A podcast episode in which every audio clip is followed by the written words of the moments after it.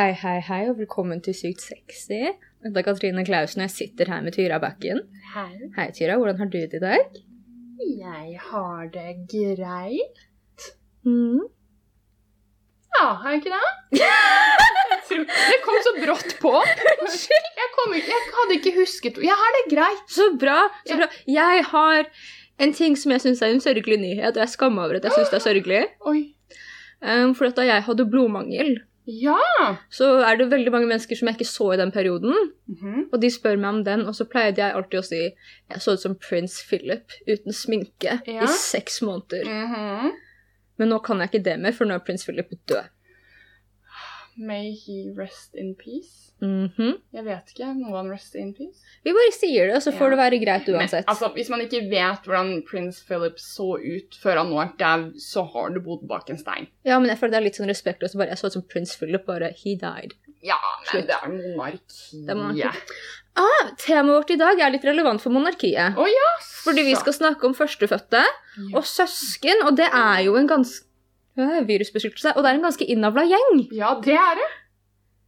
Men monarki er jo ganske relevant. i denne- Ok, vet du hva? Vi bare, vi bare lar det være sånn som det var med virusbeskyttelsen, Ja. for at hjernen min kortslutta. Ja, Søsken. ja søsken. Vi har jo prata ganske mye om foreldre, Det har vi. eh, men en ting vi ikke har snakka så mye om, er søskenrelasjoner. Mm. Du har søsken, du trenger ikke gi noe privat informasjon om dem, men kan du gi en sånn eh, basis overlap? De er Jeg har to søsken. Mm. De er ni og tolv år eldre. Mm. Jeg er da skikkelig skrapkaka, som Mhm. kom sist, men godt. Mhm. Sist, men godt, vil jeg tørre å påstå. Og du? Jeg er yngstemann, altså to eldre søsken. Har en storesøster som, har en storesøster som er elleve år eldre, Mm. og en bror som er ett år og ti måneder eldre. Det er ganske tett. Det er ganske tett. Det er det. Det er veldig tett. Uh, og jeg prater ikke med noen av dem, Nei. for så vidt. Um, fordi at det er litt forskjeller der som gjør så at en liten lus tenkte tror jeg bare blokker det med, for jeg trenger ikke den negativiteten i livet mitt. Men eh, sa du noe om det til de før? Nei, jeg sa det til pappa. Ja. Jeg sendte han en veldig lang melding, og han sa at han forsto meg veldig godt. Mm. Um, Vet søsknene dine at pappaen deres vet, skjønner deg veldig godt? Spør du meg nå om jeg tror at min far er en ærlig mann? For det gjør jeg ikke! Nei. Åh, nei. Men i hvert fall, da. Det som kanskje ganske mange vet, er at det er litt forskjell på oss hvor vi er født i søskenflokken, for vi får noen egendefinerte uh, personlighetstrekk. Det gjør vi. Men det er ikke alle som vet om hvor mye òg. Sånn som du er såpass mye yngre enn begge dine søsken. Mm. Uh, når det er over fem år, og det er litt skildringsmål, altså er du på en måte fire år og syv måneder forskjell, på en måte, Ja. så kan man på en måte telle litt innenfor den femårskategorien. Mm. Men da utvikler du deg mer kognitivt som et enebarn. Når du er så mye yngre. Så mye yngre eller så mye eldre. Når det er en så stor okay. aldersforskjell, så utvikler du deg mer kognitivt som et enebarn. Så sikkert noen sånn yngstemanntrekk. Det kommer sikkert an på familien. Mm. Jeg kan se for meg at det er mer relevant når personen er eldst.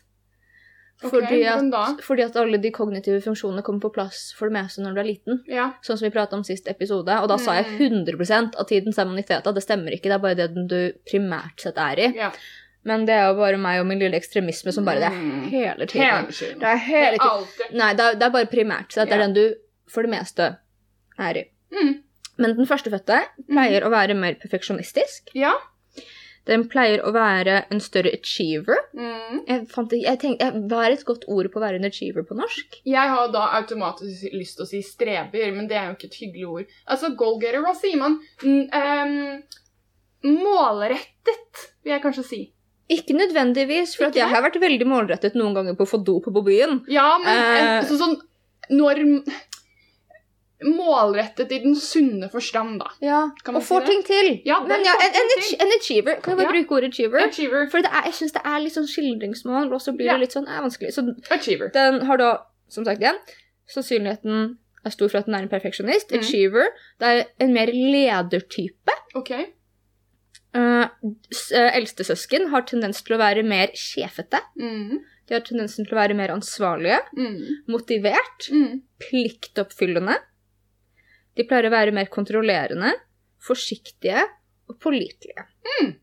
Mens mellomsøsken uh, har en større tendens til at de er veldig lette til å tilpasse seg. Ja. Altså de er adaptable til Mm. miljøene sine. Uh, de klarer på en måte å switche frem og tilbake litt med personlighetstyper og hvordan de oppfører seg litt lettere. Eh, de pleier å være ganske selvstendige. De pleier å jobbe veldig som en mellommann som går mellom. De har veld, ja, veldig diplomatiske Mm. tendenser. Eh, de pleier å være people pleasers. Mm.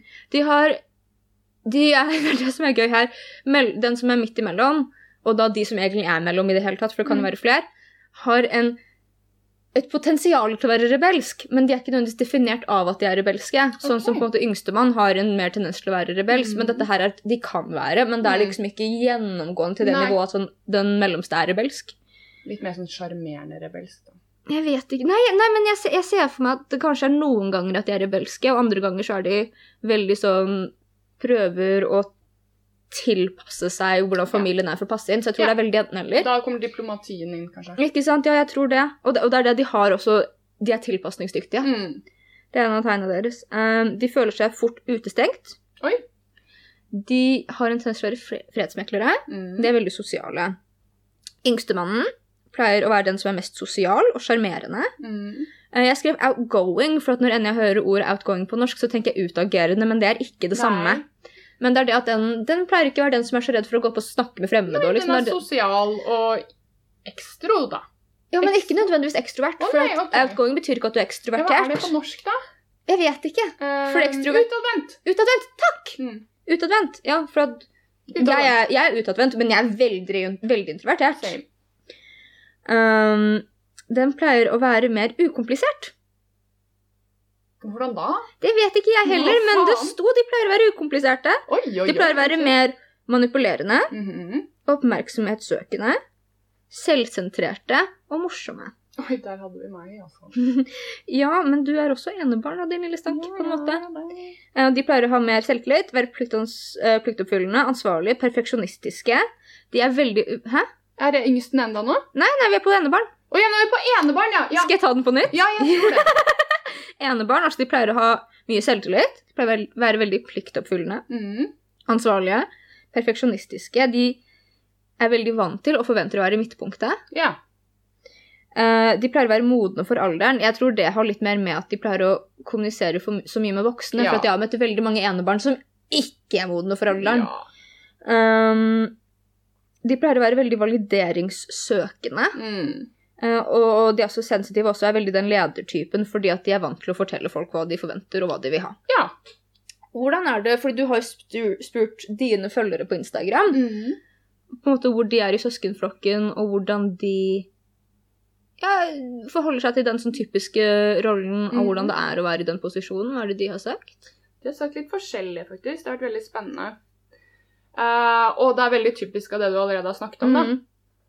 Jeg er uten tvil det sorte fåret, men også den som skaper samhold og er god. Det er den yngst. Mm. Og den kjenner jeg meg veldig veldig godt igjen i. Fordi jeg har vært et sinnssykt problembarn. Men Mm. jeg er også den som er veldig opptatt av at familien skal være samlet. Ja. Ja, veldig. Uh, og så har vi Åh, den her. Her står det faktisk ikke hvem, hvor hun er i flokken, men hun er den eneste i familien som ikke er abortmotstander. Så hun er sikkert en veldig stor rebell, da. Ja. Ja. En annen sier eh, Det sorte fåret, helt klart. Har Mhm. en søster som er lege og en bror som er pilot. Jeg er rebellen, føler meg veldig underlegen siden jeg også er yngst, og har ikke noe jeg skulle ha sagt. Mm. Eh, den her er søt. Den irriterende lillesøsteren som kler seg rart. Så er det en som sier skikkelig klisjé ansvarsfull, jeg er den store søsteren. Mm. Og så er det en som er the can't relate. Mm. De andre storesøsknene mine har utdanning, leilighet, bra jobb. Men jeg blender ikke inn. De har null psykiske problemer. Um, og så En som har Storesøsteren min har alltid vært mer sett enn meg. Var alltid kjent som hennes lillebror på skolen. Mhm. Så er det en som sier 'den yngste og den minst kjedelige hashtag villbass'. Ehm, the extra mother, som ikke tar bullshit. Det er jo da avviselig en storesøster. Mhm. Jeg er den lesbiske storesøsteren som gjorde de kule tingene. Åh. Ja. Jeg skulle ønske jeg hadde en lesbisk storesøster som gjorde Ja! kule ting. ja, skal vi se Det svarte fåret, helt klart, har seks brødre. Det står ikke om de er eldre eller yngre. Alle har jobb og studerer. Jeg røyker pott. Det er gøy! og så Rebellen. Hun håpløse, men som nå sitter best i det både økonomisk og ellers. Mm, Onlyfans. Ja. Unnskyld, jeg var tull, jeg var tull, jeg var tull. Og så er det en sånn dritten i midten, men også midtpunktet. Ja. Skal vi se om jeg hadde noen andre. Jeg er ikke nødvendigvis engelen, men jeg er flinkere til å skjule hva jeg driver med. ja, det er typisk eldst. Mm. Det var det. Og så er det veldig mye av det eldst, akkurat tredje foreldre, babysitter. Ja. Det er veldig De som er eldst, er veldig den som er ekstraforeldre. Som, Mm. Og så er det midten, som enten er flink, men, eller som er flink til å skjule at de ikke er så flinke. Mm. Og så er det den minste er upåklagelig rebelsk, altså. Ja, for det er en ting som jeg ikke leste opp på den yngste lista, men det er kjempeinteressant, fordi at det er en psykolog som heter Frank J. Sulloway, og han eh, gjorde en undersøkelse på historiske ledere og figurer Ja, i forhold til hvor de var født i søskenflokken. Ja. Og det han fant ut, var at de som var mer revolusjonerende da, og på en måte mer rebelske, var de yngste. ja. Så de yngste i søskenflokken er på en måte sånn som Charles Darwin, Marx og Gandhi. Oi. Og de eldste i søskenflokken er de, de som pleier å være mer rigide og på en måte mer konservative i natur og følge Mm. regler og tradisjoner, og det er folk sånn som Stalin og Mussolini. Han fant en skikkelig, skikkelig Og Angla, Merkla, Angla, Anglo, Merkla, Angla, Merkla, tyske Ja, eldst. Ja, jeg tror det. Ja.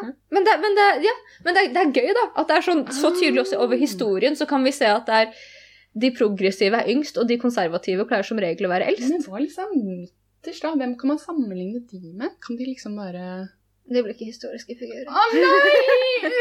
Det blir så tull igjen. Eller spioner. Kanskje de er mer spioner? Ja, vet du hva? Jeg satt og var så sinna for litt siden Hvorfor angående spioner. Oi! Jeg var skikkelig sint Angående spioner. Ja. angående Snakk om motherfucking spioner, for jeg alltid hata James Bond-filmene. ja.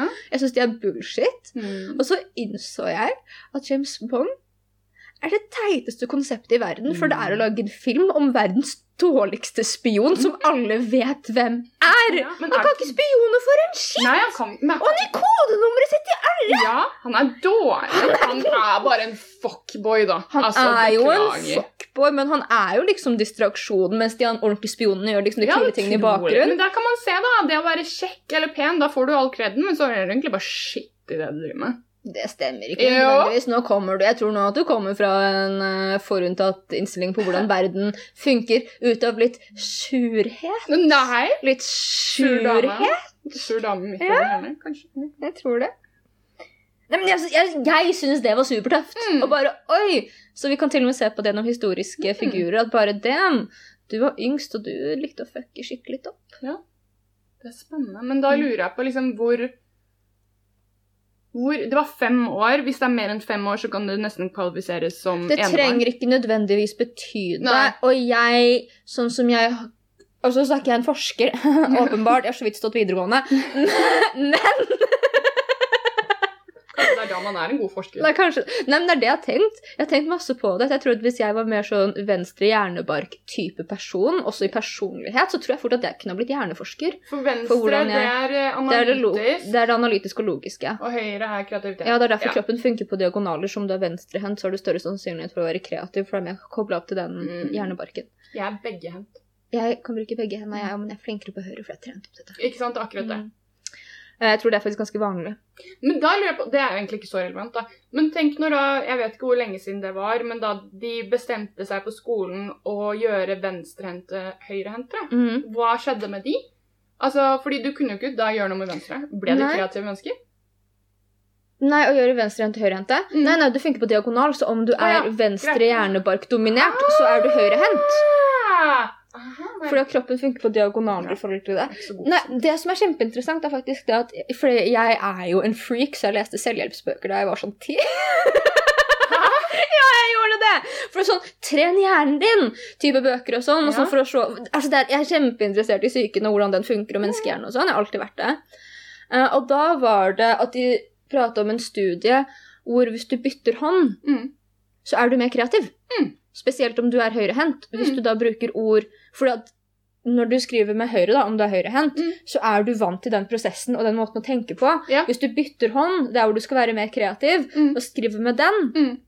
så på en måte tar du en pattern interruption på hjernen, så du bruker en annen del. Mm. Og da var det det at de sa skriv en liste av fine ting om deg selv med høyre hånd, Mm. om det er det, eller venstre hånd, altså den hånden du er dominant på. Ja. Og så bytter du, så skriver du en liste med andre hånda, og så ser du hvordan de ordene du hadde brukt for å beskrive deg selv, forandrer seg. Wow, det her skal jeg gjøre. Og det er kjempegøy, for det er liksom sånn snill type ting når du skriver med den hånda du er dominant med, Mm. og så bytter du på den andre, og så er det mye større ord, da. Og det er sånn eksentrisk, og liksom mer sånn på en måte mm, Spennende. Veldig kult. Um, en ting som jeg også fant ut, Ja. er at eldstesøsken har på gjennomsnitt tre IQ-poeng høyere enn resten av søskenflokken. Vil den da bli lavere og lavere for hvert barn som er født? Nei, for at før så trodde forskere at det var biologisk, og Ja. det hadde med um, på en måte tilstanden av fødselen og på en måte det at liksom, livmoren hadde på en måte ikke blitt festa i før, da. Mm. Fy faen. Ja. ja, det er også Men i hvert fall at, at de trodde det var biologisk, men så sjekka de det. Og dette her er også gjennomgående også for barn som hadde eldre søsken som hadde dødd før de ble født. Okay. Så det er ikke en biologisk faktor. Det har med hvor mye oppmerksomhet de får av foreldrene sine i sine formative år av hvordan hjernen utvikler seg. For de får jo da 100% oppmerksomheten til begge foreldrene mm. istedenfor å måtte dele den. Mm. Så da blir de mye mer mentalt stimulert også, og de må ikke være like avhengig av egenlek. Og da når foreldrene på en måte alltid er litt foran dem, så Mm. inspirerer de barna til å lære mer. Aha! Så det er derfor. Mm, så ja. Men det som jeg også skulle si, at sånn som så, Igjen, jeg er ikke en hjerneforsker, for det er, der, det er der vi traila off tyra. Ja, vi det- det, det var en liten rant der, jeg beklager. Vi tok noen runder i den rundkjøringa. Ja. Vi måtte jo det. Um, åpenbart ikke hjerneforsker, men sånn som jeg opplever det, så tror jeg Og sånn som det jeg, forstår, det jeg vet av kognitiv utvikling, så tror jeg det er mer relevant i den som er eldst. Om det er en aldersforskjell. fordi at sånn som vi prata om i sist pod, når du utvikler såpass mye av hjernen din sånn som du gjør før du fyller syv, Ja, og da har du gjort det alene. og da har du gjort det primært sett alene. Så jeg tror da at den aldersforskjellen er mer relevant når du er eldst. Fordi det er når jeg kjenner folk, da Til og med hvis man skal gå ut ifra dette her, når jeg kjenner mennesker som f.eks. har søsken som er rundt fem år eldre, yngre eller mer, Mm. så jeg tør å påstå at de har et større oppmerksomhetsbehov. Mm. Og et større valideringsbehov, og de har et større behov for å være i midtpunktet. Mm. Opplever jeg. Det kan også være en prosjektering fra min del på et eller annet, fordi at jeg ikke liker å være midtpunktet, fordi at foreldrene mine har vært midtpunktet, har på en måte ikke vært så veldig kule. Mm. Så jeg assosierer negativt. Så det kan være en prosjektering fra meg, og at ikke jeg tør være midtpunktet på samme måte, og da Mm. ser det veldig tydelig andre. Mm. Men jeg tror det heller mer mot at det er kognitiv utvikling. Sånn som jeg forstår det. Interessant. Mhm. Det som egentlig trigga opp dette her for meg, hvorfor jeg ville ta opp søsken som et tema, Ja. var det at jeg har begynt å tenke mye på hvordan jeg tror det ut Eller hvordan jeg tror det var for mine søsken Eller da min bror, da, for jeg har en søster som er veldig mye eldre. Mm. Og hun var på en måte Altså, hun var sammensydd, liksom, da Mm. jeg kom til verden. Mm. Da var på en måte hun litt ferdig med sin primærutvikling, og så var det på en måte sånn sant, Flytte mellom mamma og pappa og gå på ungdomsskole og videregående, liksom. Mm. Uh, og når jeg på en måte da var begynt der hvor jeg hadde begynt å på en måte ha mine negative psykiske ting, så på en måte hun hadde flytta ut. Ja. Men jeg tenker da i forhold til min storebror, som er såpass nær Han er jo bare kull over meg. ja, det er ikke mye. Det er ikke mye. Uh, så vi har alltid gått på sånn Eller vi har alltid gått på skole fram til vi gikk på forskjellige skoler på videregående og sånn, så vi har Mm. på en måte alltid hatt veldig Selv om ikke nødvendigvis tett relasjon mellom oss, men vi har alltid vært på en måte i samme til en viss grad i samme krets, selv om vi ikke har omgås hverandre personlig. Så har vi på en måte alltid vært sånn Å ja, der er broren min når jeg går i gangen, liksom, på Ja. skolen. Um, så jeg tenkte på hvordan det var for han da å vokse opp med et søsken som er så psykisk sykt som jeg var da jeg vokste opp, og hvordan Mm. det faktisk er, spesielt ja, med den tendensen å være den som er født i midten, Ja. Uh, selv om han på en måte også er eldst. Mm. For det er så stor forskjell på han og min storesøster. Men da på en måte være den som faller i skyggen veldig. At han faller i skyggen. Selvfølgelig. Ja. Og da tenker jeg i forhold til hvordan han har utviklet seg versus meg, så opplever jeg Jeg, jeg, altså, jeg skal ikke si at man har det eller ikke, for at han er ikke meg, og det har på en måte ikke jeg rettighet til å si, føler jeg, men jeg opplever at han er veldig flink, flink gutt-syndrom. Ja. Og jeg opplever at det er måten han fikk oppmerksomhet av foreldrene våre på, Mm. å være flink. ved å være flink. Fordi at de hadde på en måte ikke overskudd til å håndtere så veldig mye annet drama, for at mitt var så stort. Ja. Så jeg tror at den eneste måten han på en måte fikk ros på, var eh, å, være, å gjøre lekser, liksom. Mm. Og jeg tror det var så, det er så fint med deg, for du er så rolig, og du kan ta vare på deg. Ikke sant, jeg tror Ja. det er veldig den. Og så tror jeg at det har vokst mye bitterhet fra det, som jeg også kan forstå veldig godt egentlig, men samtidig, det er ikke mitt ansvar. Nei, det er ikke ditt ansvar. Og jeg vet ikke om det egentlig er bitterhet der, men det er fra mitt perspektiv så er det på en måte det. Så da begynte jeg å tenke mye på hva, hvordan er det egentlig å vokse opp i skyggen da, til et psykisk sykt søsken. Og Mm. da begynte jeg å lese på noen forumer Ja. eh, om hvordan det var, og da var det en ting som folk prata veldig mye gjennomgående, at det var veldig mye bitterhet og veldig mye sjalusi, fordi at de ble ikke sett. Okay. Eller følte seg ikke sett av foreldrene sine, og følte at det alltid på en måte var et krisetog et annet sted som var mye viktigere, og at de følte mye skyldfølelse om de hadde problemer, for de kunne ikke gå og ta det med sine foreldre, for de var allerede opptatt med så mye annet som kjentes så mye større ut. Mm. Det er liksom, det er vanskelig å gå til mamma og si du har kjærlighetssorg når lillesøstera di er innlagt på psykiatri, ikke Mm. sant? Det vil jeg også bare hoppe inn her og si det gjelder også søsken som har andre Altså søsken OK, hvordan Ja, ja, altså som f- utviklingshemmelser ja, og handikapper ja, og alt dette her. det her og- går under alle på en måte Ja, former det- men det for. Ja, det er, altså det er der hvor noen trenger mer enn resten. Yes. Det er vanskelig. Og da begynte jeg å lese veldig mye på dette her, og folk prata veldig mye om denne sjalusien og bitterheten som Mm. de fort kunne føle på. Jeg leste også noen former hvor de prata om ehm, at man kan f.eks. få PTSD av å vitne veldig vanskelige ting også i familierelasjoner. Mm. Så på en måte gjennom å se på en måte f.eks. lillesøstera di hvis hun prøver å ta livet sitt, da, Ja. eller prøver å ta livet sitt, uh, så kan det også være noe som kan trigge PTSD Mm. i deg, og så føler du at du aldri klarer å på en måte bearbeide de traumene, for at foreldrene dine er så opptatt, og så blir ikke du sett, og så blir Mm. ikke du sendt til psykolog, og så må du på en måte håndtere de tingene når du er eldre. Ja. Eh, og så leste jeg også noen rapporter som psykologer hadde skrevet om på en måte hvordan man skulle hjelpe, da. Det er søskene som Det er søskene som har falt litt i skyggen. Ja. Og da pratet de um, veldig mye om da dette, dette med sjalusi, og at søsken som har psykisk syke søsken, har veldig stor sannsynlighet for å få angst og depresjon etterliggende, Oi. som de ikke helt klarer å håndtere, og at de har en veldig stor tendens til å få for mye ansvar. I generelt sett i livet med jobb og forhold, eller, eller Det vet jeg ikke, men det kan hende at det blir et gjennomgående tema at de tar på seg mye ansvar. Det er veldig typisk at man har fått den triggeren et sted, og så bare fyller man og beiser på, liksom. Mm. Eh, men det i familiesetting Det var sånn sånn folk som pratet om at sant, hvis lillesøsteren deres var kjempesyk, så var det deres ansvar å på en måte være den som roet ned, eller sånne der type ting. Mm. Um, og da drev de faktisk og prata om hvor viktig det er også så sende mellomsøsken til psykolog, så de har noen å prate med. Ja. Og hvor viktig det er å liksom Igjen, da, for det å vokse opp i et miljø som er problematisk, selv om ikke det er du som primært har problemene, Mm. så er det fortsatt vanskelig, og det er noen ting som må respekteres veldig på den grensen. Kan nesten være vanskeligere.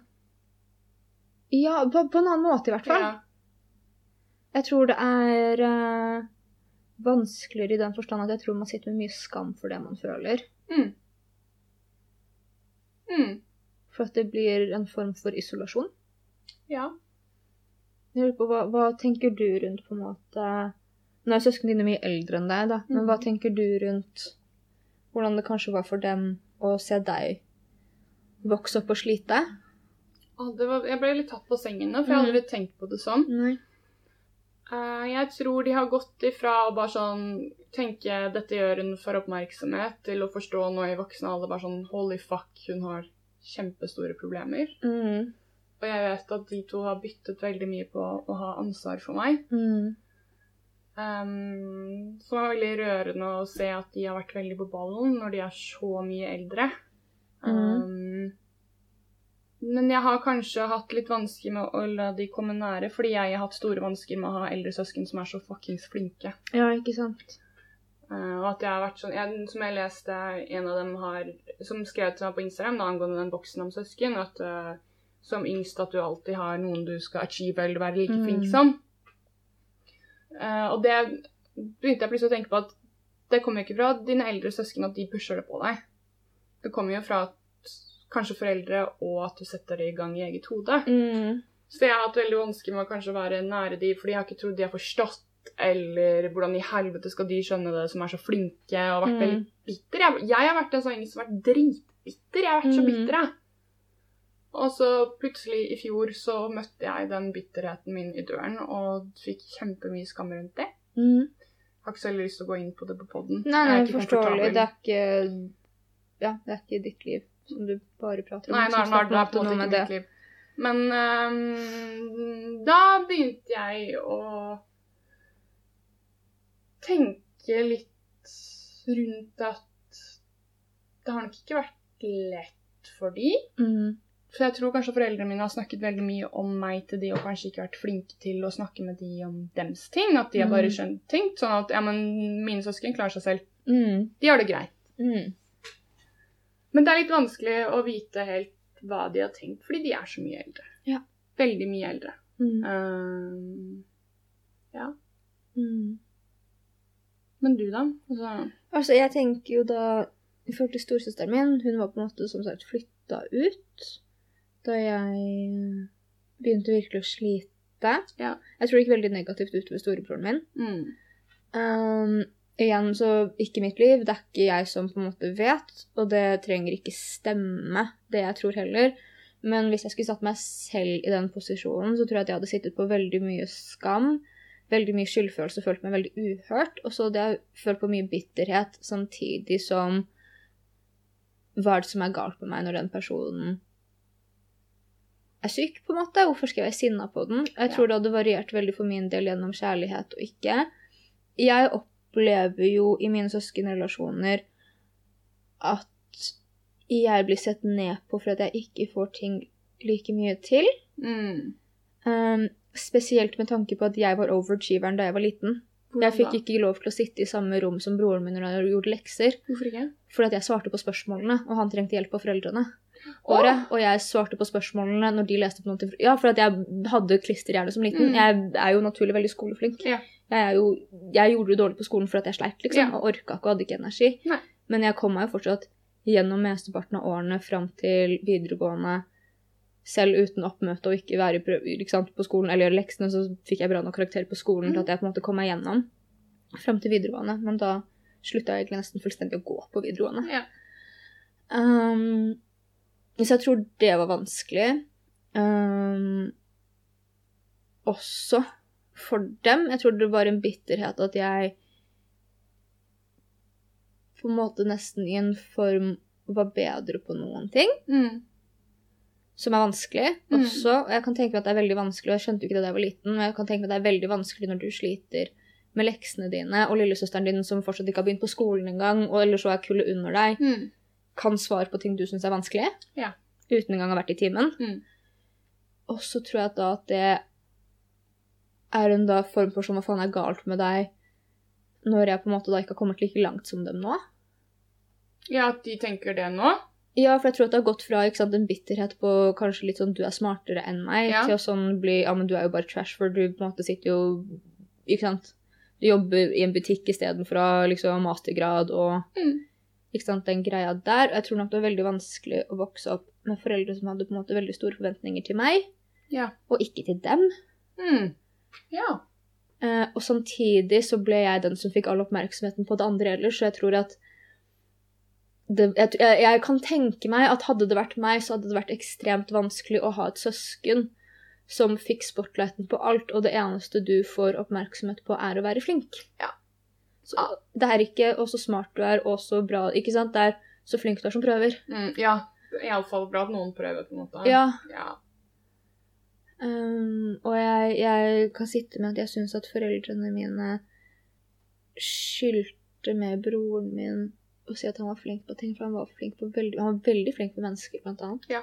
Um, veldig sosial, veldig morsom, veldig kul, og jeg føler at jeg føler at der hvor de var skikkelig kjipe mot meg, men samtidig Fordi de var jo det. Ja. Um, men der hvor de på en måte i hvert fall lagde noe rom, så tror jeg at de ikke ga noen ting til han, på en måte. Mm. Og jeg kan tenke meg at hadde det vært meg, så hadde jeg sittet med veldig mye bitterhet rettet mot meg, fordi at det er sånn som også Jeg leste noen av de artiklene i forhold til at det er med søsken og for eldste søsken og sånn, så opplever jo de det veldig fort sånn når de får søsken, at de blir kasta av tronen. For at de får jo absolutt alt, og så plutselig kommer en som de må dele med, og det har de ikke gjort før. Nei. Så jeg vet ikke. Det var veldig interessant der. Så jeg satt med veldig sånn perspektiv av hvor kjipt det faktisk må ha vært å vokse opp med noen sånn som meg, som har vært inn og ut av psykologiske institutter og har trengt foreldre som har fulgt til BUP og sånn, og så skal sitte i kriseteam og jeg kan tenke meg hvor vanskelig det er å ha liksom en mor som du må trøste, som sitter og griner fordi at på en måte, ikke sant, nok en ting har skjedd med søstera di. Mm. Um, så ja. Men jeg setter på en måte Jeg tar heller ikke det ansvaret. Nei. Jeg har innsett, for jeg tror det er lett å sitte med dårlig samvittighet for at man har tatt mye plass og skam, man, men det er ikke mitt ansvar i det hele tatt. Nei. Det lå på mamma og pappa. Um, så leste jeg også om det i revers, for at veldig mye av det som kom opp, var den eldste som sliter med en yngre, et yngre søsken som er psykisk syk. Mm. Det var mye av de på en måte som sleit med sjalusi og sånn. fordi at det som ofte skjer når det er eldste søsken som er psykisk sykt, Ja. så smitter det over. Okay. Fordi at barna lærer atferden. Ja, ikke sant. Og de ser det, og da sto det at um, på problematisk atferd, hvis du har et eldre søsken som røyker, drikker alkohol eller tar dop, så har du fire ganger mer sannsynlighet for å begynne med det samme. Hvis du er yngre. Fire ganger mer. Fordi at vi Wow. mimiker og vi idealiserer jo storsøsknene våre når Ja. vi er små. Så det er på en måte at ikke sant, Vokser du opp med en storesøster som selvskader, så er det stor sannsynlighet for at du også begynner å selvskade. Mm. Vokser du opp med en storesøster som har Og på en måte det, Man kan jo skjerme det til en viss grad, men hvis det på en måte ikke går, Ja. så det er smittsomt. Det er sånn Ja. som en ting Vi vet, vi vet, jo at- vet jo at spiseforstyrrelser er Ja. smittsomt som faen. Får en din vending, så vet du at en til får det. Ja, Absolutt. Og jeg tenker sånn i hjemmet, da. Det som skjer innenfor hjemmets fire vegger. Mm. Altså Man kan prøve å gjemme det så godt det lar seg gjøre, men det merkes. Det merkes til en viss Dritt lukter, på en måte. Dritt lukter. Um, men jeg tror at man kan være flink på å liksom prøve å balansere det, og kanskje ikke gi alle inntrykkene. Men igjen, da tror jeg også du må være litt større aldersforskjell, og man kan på en måte ikke være så tette. Nei. Men det er det jeg har tenkt på. da. Det er på en måte ikke så rart. Tenk at hvis du sitter ved middagsbordet, og storesøstera di nekter å spise. Ja, da, Da slutter jo du å spise også. Ja, ja, ja. Absolutt. Ja, du, det husker jeg også, selv om mine søsken er veldig mye eldre, at jeg kopierte hvordan Mm. de gjorde ting, sånn sett. Ja, ja. Mm. Men hvordan er det sånn Du har jo valgt å på en måte kutte ut Mm. søsknene dine nå. Mm. Savner du de? Jeg tror det ikke. Du ord, for, hva, Men- for tror du ikke? Jeg vet jo ikke hva som er mine emosjonelle sperrer. Å sette ned for å ikke bli såra, for vi vet jo at jeg skrur av som en forsvarsmekanisme. Mm. Um, så jeg tror ikke jeg savner dem, men det kan hende at jeg gjør det. Mm. Jeg tror jeg savner hvordan jeg følte at ting var da jeg var liten, Mm. i forhold til dem, og å være nære og sånn, men jeg har virkelig følt veldig lenge. Det er sånn som jeg fortalte jeg, men jeg vet ikke om jeg satte på podden, at jeg kan sitte på en fest hvor folk sitter og sniffer kokain rett foran meg, og jeg Mm. har ikke noe, noe behov for å ta. Virkelig i det hele tatt. Eh, og så kan jeg sitte på familiebursdag, og så kan jeg sitte og klø i fingrene etter kokain. Mm. Hva tror du det kommer av? Jeg tror det kommer at jeg føler at jeg blir så sett ned på, og jeg føler at veldig mye bitterhet blir prosjektert på meg. Ja. Um, og jeg har det ingen andre steder, så jeg tror ikke egentlig nødvendigvis at det er en så stor egenskam, men jeg, fø jeg føler liksom at Jeg føler meg når jeg sitter med familien min, at jeg blir vist fingeren til, selv om de ikke mener det. Ja. Og det gidder jeg på en måte ikke. Og det er også ting fra barndommen min som er skikkelig problematisk med ting de har gjort av hvordan familiekulturen min har vært, Mm. og hvordan de har opplevd at det har vært greit å snakke til meg, f.eks. For, Ja. for jeg har jo vært den som på en måte har fått eh, all dritten, Mm. opplever jeg, i hvert fall mesteparten av den, uh, fra foreldrene mine. Og da opplever jeg at det er en innadvendt kultur i familien å prate veldig dritt til meg. Og jeg føler at de ikke har tatt noe ansvar. Hvordan da? Nei, det er bare det at de, de, det er liksom Jeg føler jo at, sånn som jeg prata om før, jeg føler at hele familien min er 'å, stakkars deg som har hatt den faren du har hatt'. ikke sant, Sier Ja. mamma, og så sier pappa men stakkars deg som har hatt den moren du har hatt'. Det er ikke rart du er sånn. Og så føler jeg at begge søsknene mine er 'ja, men det er jo ikke rart med tanke på sånn og sånn'. Jeg føler at Mm. ingen tar ansvar for hva de egentlig har gjort. Mm. Um, og så føler jeg det er en veldig familiekultur av um, Bare si ifra, så stiller vi opp. Mm. Men du stiller ikke opp ved å si at jeg skal si ifra. Du stiller opp ved å si 'jeg vet at du har det vanskelig om høsten og vinteren pga. depresjonen din'. Har du lyst til å komme på middag denne uka? Ja. Og det føler jeg ikke at jeg får. Og jeg føler at når jeg reacher ut òg, så blir det fort at jeg er den som på en måte nesten blir dumpa på til tider. På? personlig informasjon og liv og sånne der type ting. Og ikke, ikke mer med den ene enn den andre. Eh, og så trenger jeg ikke si hvilken, men jeg føler at den ene, søs det ene søskenet mitt er liksom uh, uh, Jeg kan fortelle om mitt liv, og så sitter det bare Jeg hører på deg, men jeg skal bare sitte og bla på noen ting på PC-en og se på det samtidig, og ikke Ja. se på meg engang. Og da er det sånn jeg, jeg føler litt fort at jeg trenger ikke være der. Nei. Um, og det er det jeg bare føler også da, at det kan være en del bitterhet som blir prosjektert på meg, som egentlig ikke er rettferdig, til tross for forståelig. Men da Ja. er det in egen individet sitt ansvar å løse opp i det. Og så vet ikke jeg om det er sånn engang. Det Hva kan jo hende at det bare er det jeg føler. Hva hadde skjedd om du noen gang hadde sagt det? At det er sånn du føler det? Jeg føler at når jeg har tatt opp disse type tingene før, så blir det vridd om på meg. Ja, At det er bare noe du innbiller deg? Eller? Ja, det, fordi at jeg, jeg når, altså Sånn som jeg vet, da, også fra egen erfaring, at når det er noen ting som sitter med skam, Mm. så deflekter man det. For man vil ikke se på det. Ehm, for eksempel noen sier er du sinna, og så er du sinna for noen ting, men du, er, du skammer deg for det du er sinna for. Så sier du nei, jeg er i hvert fall ikke sint, du tror jeg er sint fordi du er sånn og sånn. Ja, ja, sånn, ja. Ja, ja. Mm. Og jeg føler at jeg på en måte blir et litt lett offer på det der, for at man kan bare si sånn ja, men gjør du sånn fordi at du er syk? Og sånn var mamma veldig. Hvis jeg ble sinna på henne for et eller annet hun gjorde, som var veldig realistisk at jeg ble sinna for, Mm. så var det 'Har du tatt medisinene dine i dag?' Ah!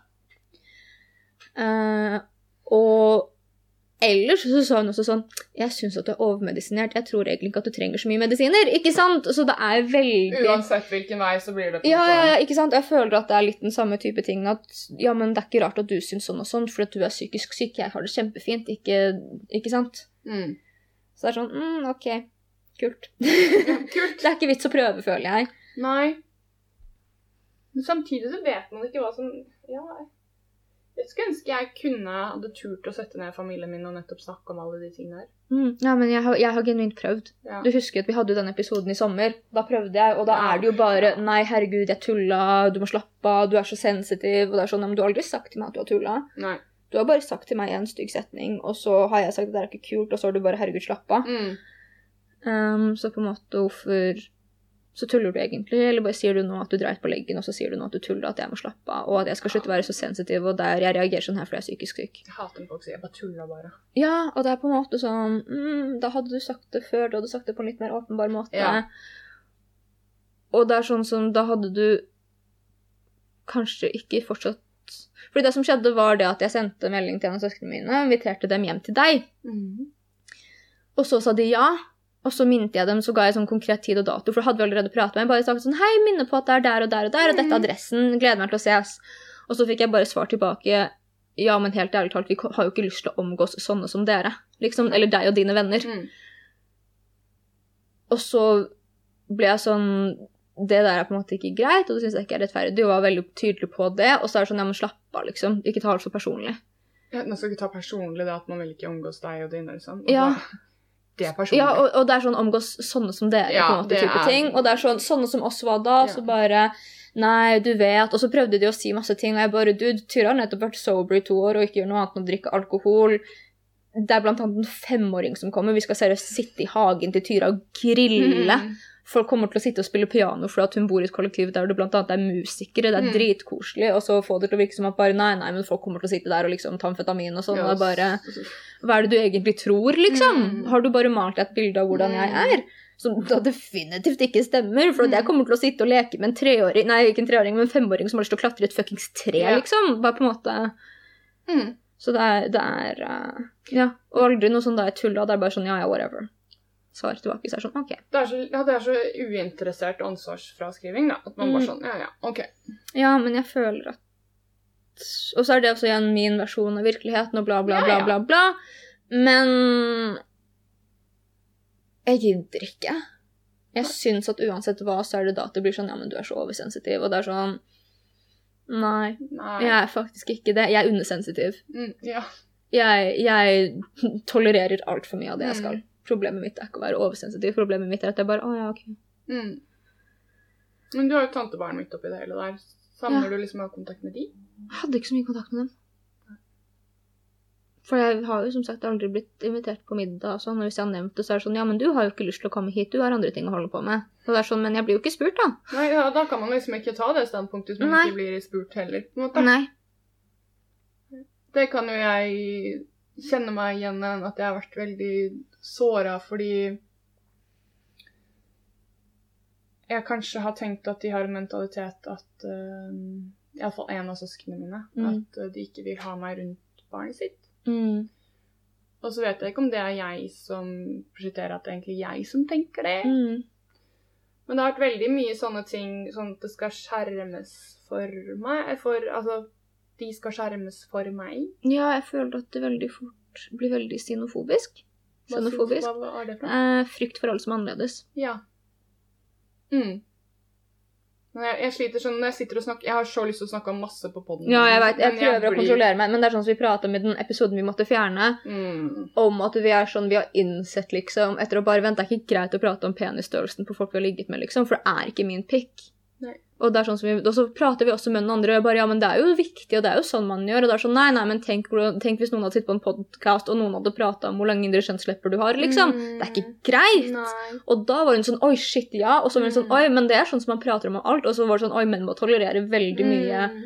av hvordan deres kropp blir Mm. diskutert, og deres seksualitet, fordi at vi er så vant til å bare kunne pøse ut. Ja, men, også, men det er viktig som jeg snakket om, at det er viktig å ikke bli så fuckings politisk korrekt på alt. Nei, men nei, når det gjelder nei. familie Jeg synes når det gjelder, og jeg syns også når det gjelder andre menneskers personlige ting Jeg syns Ja. at det fortsatt går an å si ting, men at Sin Vi kan- av det. Ja, og vi kan gjøre det med litt mer omhu enn vi har gjort før. Ja. Og det har jeg en ambisjon om å gjøre med denne sesongen, i hvert fall. Mm.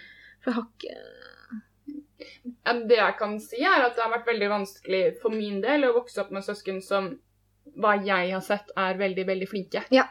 Det kan jeg være enig i. Uh, og det har vært da et veldig stort behov for meg for å bli hevdet med på Mm. andre områder som ikke sant, har blitt helt feil. Mm. Jeg lurer på om det hadde vært med et søsken som var nærere i alder. ass. Det vet jeg ikke. Nei.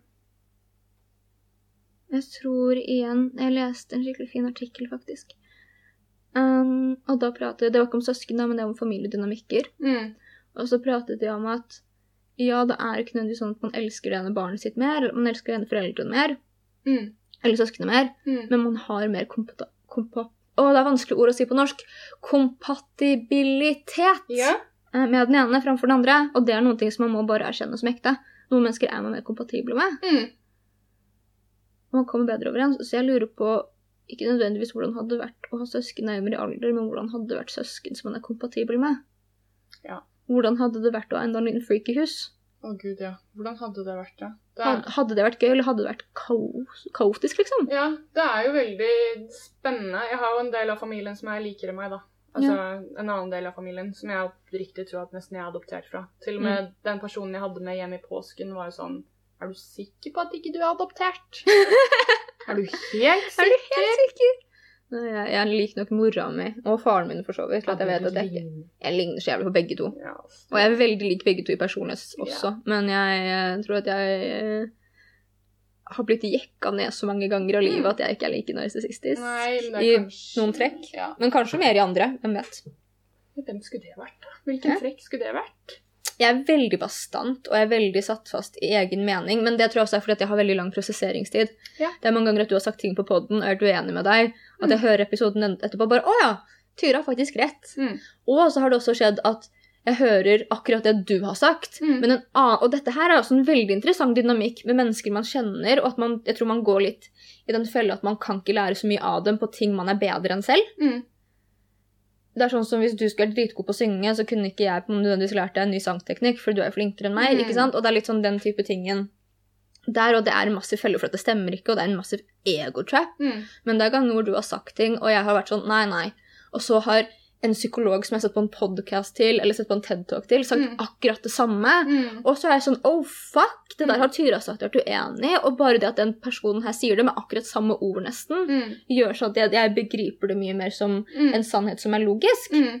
Og det er sånne steder der òg. Men jeg tror at det er veldig vanlig, men det betyr ikke at det er greit.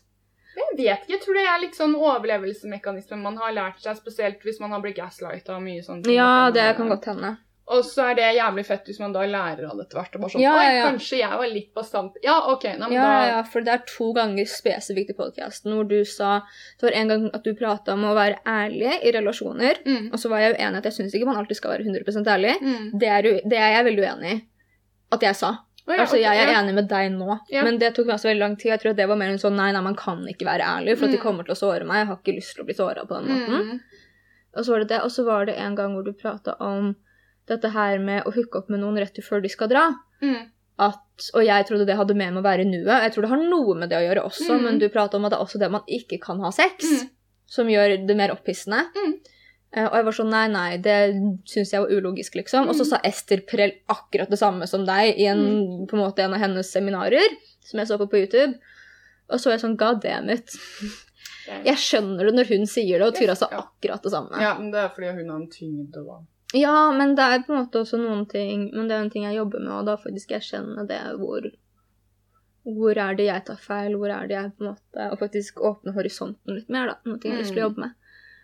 Ja, Som ble en liten tangent, det er ikke det vi egentlig prater om. Nei, men det var veldig interessant. ja, men det er der jeg kan se sånn Å ja, der er det en form for narsissisme, fordi at jeg har på en måte en tankegang i forhold til veldig ting av at jeg vet best. Ja. Og det irriterer meg andre mennesker når de er sånn, som sier veldig mye om at jeg prosjekterer det Mm. ut på dem når det plager meg. Ja. Så det er på en måte noen ting i meg selv som har lyst til å endre. Og da blir det veldig teit å bare nei, nei. Sånn, ja, Jeg er ikke sånn. Det er bare foreldrene mine som har noen narsissistiske trekk. Bare jeg har dem, jeg er et fuckings menneske.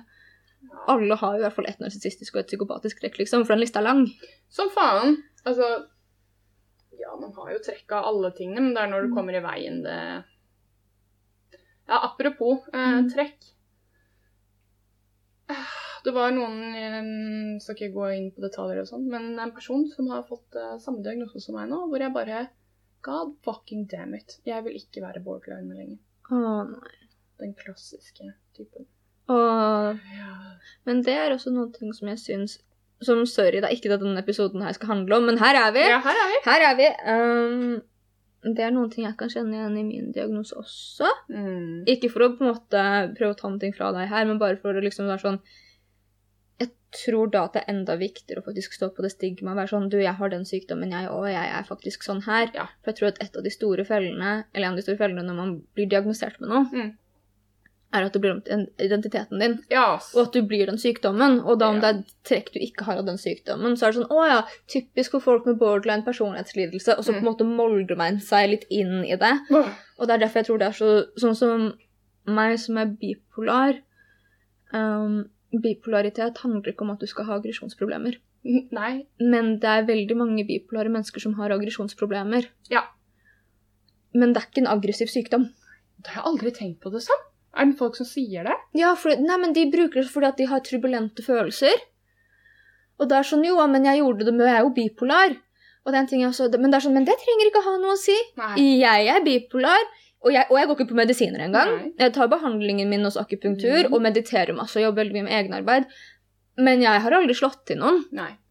Jeg, jeg, er, altså jeg ser på bipolaritet som en kjip sykdom å leve med, men Mhm. jeg, jeg opplever ikke at det er en veldig stor prosjekteringssykdom på andre.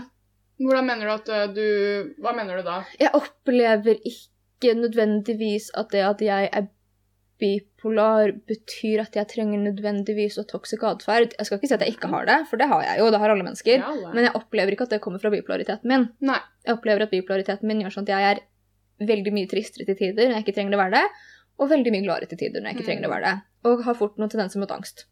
Ja. Men det er liksom uh, Ja. Og det er det, da. Det er, jeg- det er, jeg føler at folk veldig ofte bare Å, jeg jeg er bipolar, så nå må jeg bli denne sånn så dette karikaturet av en psykisk sykdom, og det skal kontrollere livet mitt, og nå så kan ikke jeg ha relasjoner for at jeg er gæren, for jeg er Ja. bipolar, og det er ikke min feil. For, ikke sant? Mm. Jeg føler nesten det blir sånn egotrip. Ja, av litt å være annerledes. Ja, ja. Det var Og jeg begynner å bli lei det, fordi hver gang jeg hører Men jeg er borderliner, eller jeg er ADHD, så derfor er jeg sånn. Mm. Og jeg kan sikkert høre det en kilometer avstand, hvor jeg bare hører det og bare kommer som lyn omtrent. Og bare sånn Nei! Ja.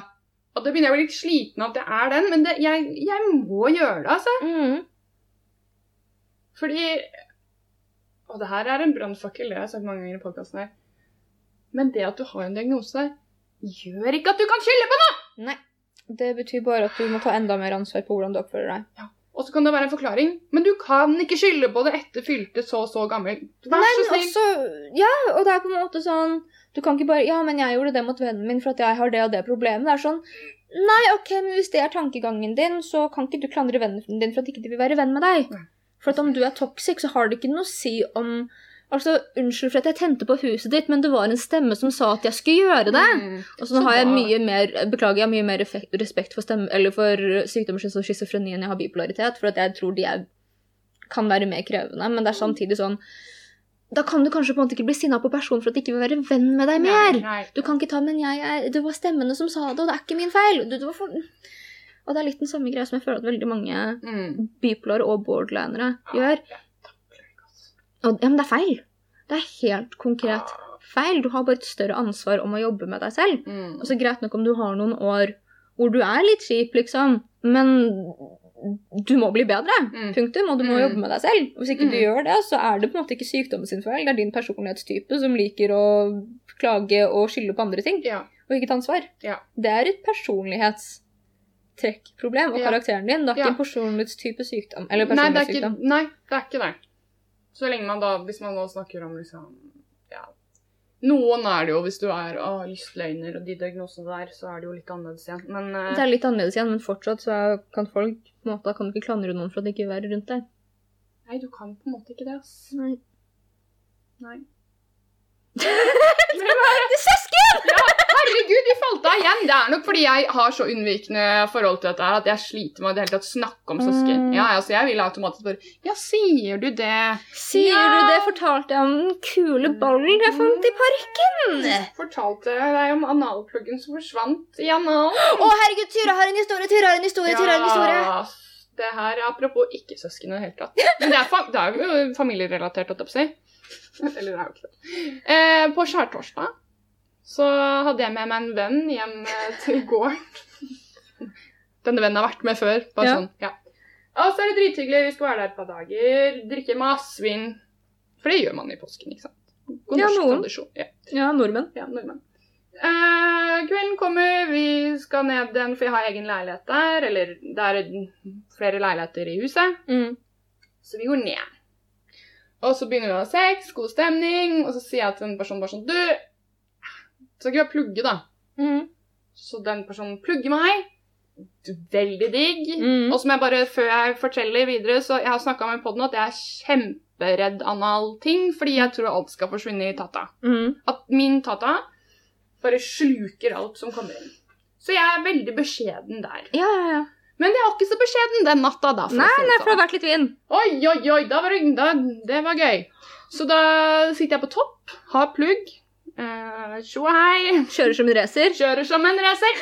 Uh, hadde faktisk en tanke hvor det, vi snakket om når du sitter på topp som en hund, vet du. Ja, jeg føler meg som en lille hund uten det. Jeg har tenkt så mye på det. Det er også en ting som jeg faktisk vil klarere. At jeg har ikke noe problem med å date folk som er lave, men bare vær liksom forberedt på at hvis jeg skal ri deg, så kommer jeg til å føle meg stygg.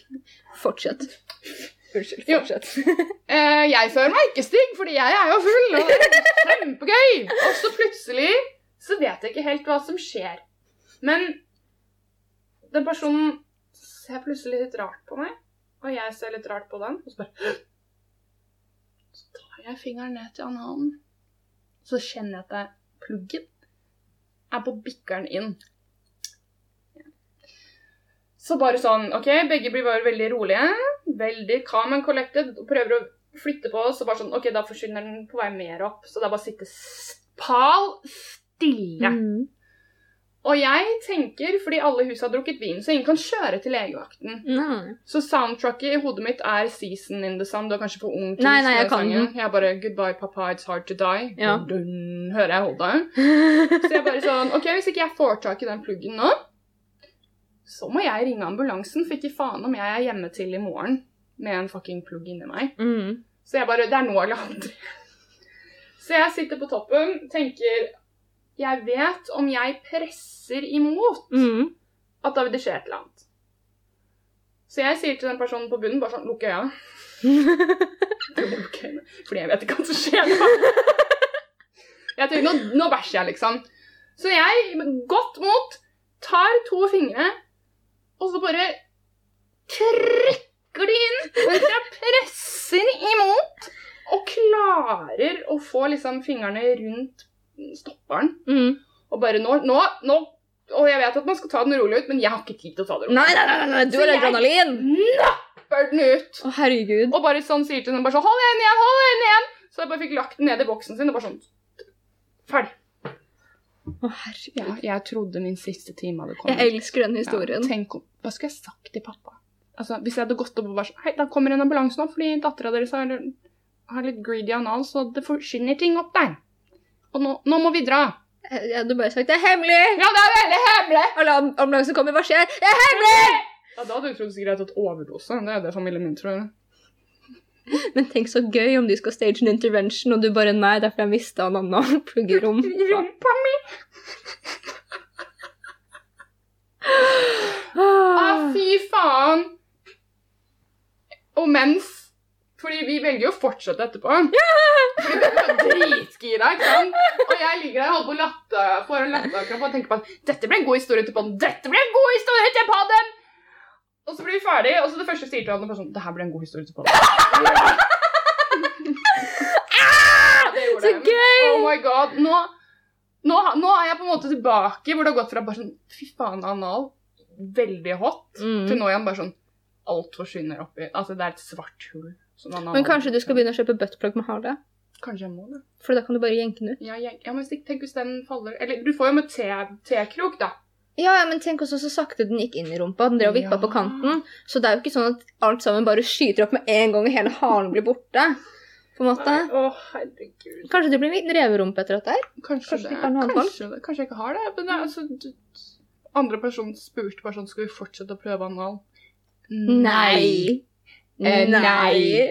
Nei, det gjør vi ikke Nei. nå. Ja, så det var eh, det Jeg ser for meg deg bare kaste en analplugg ut av Å, ah, fy faen! Jeg har faktisk, og det er ekkelt, jeg har ikke åpnet den boksen med den analpluggen. Jeg har ikke turt. Jeg vet det. Og den ligger ikke sammen med andre leketøy. Den ligger i en egen boks. Den ligger en egen boks. Ja, men det- ja, fordi den er metall. Ja. Det beste som er Det beste metall, som er- er det beste. Jeg er elsker Kanskje det er en av problemene. Kanskje den er litt for tung for deg. Nei, Og at den er tyngde, så den legger press på ringemuskelen, og da åpner den seg og slapper litt mer av. Ja, og så tror jeg at jeg ble også litt ivrig, fordi den var på vei til å falle litt ut, og da trykte jeg litt imot. Ah, du var en greedy bottom! Faen! Men det var jo så jævlig deilig. Ja, men det er det. Fy faen! Og nå må jeg liksom Hva skal jeg gjøre nå? Skal jeg, hva skal jeg gjøre med den pluggen? da? Jeg kan ikke se på den igjen med samme Kan selge den på Theis. Jo. Men jeg Usch. elsker den jo. Og jeg hadde jo lagd en story om denne pluggen en uke Ja, en uke før. Hvor mye jeg elsker den pluggen. Ja, det hadde du jo. Jeg Åh. elsker jo den pluggen. Åh, det er det de sier. Det er de du elsker høyest, som sårer deg mest. Ja! Åh, men jeg tror kanskje at vi burde runde av nå. Jeg, tror. Jeg pratet, pratet et kvarter om søsken, og resten bare random fjas og Ja, men det var jo etter påsken. Det var jo etter påsken. Ja. Um, vi fikk jo ikke lastet opp episoden til riktig tid. For nå det nå er det fredag, og den skulle komme ut på onsdag. Ja. Så den her kommer kanskje ut på lørdag, Ja. tror jeg. Håper. Og da beklager jeg for det, men da håper jeg at det blir litt ekstra lørdagskos. Ja. Og i stedet for klubben så kan man sitte og kose seg med litt analformet snop Oi. mens man hører på skrekkhistorien til Tyra Bekken. ja. Tusen takk for i dag. Takk for i dag, dere. Ha det! Ha det!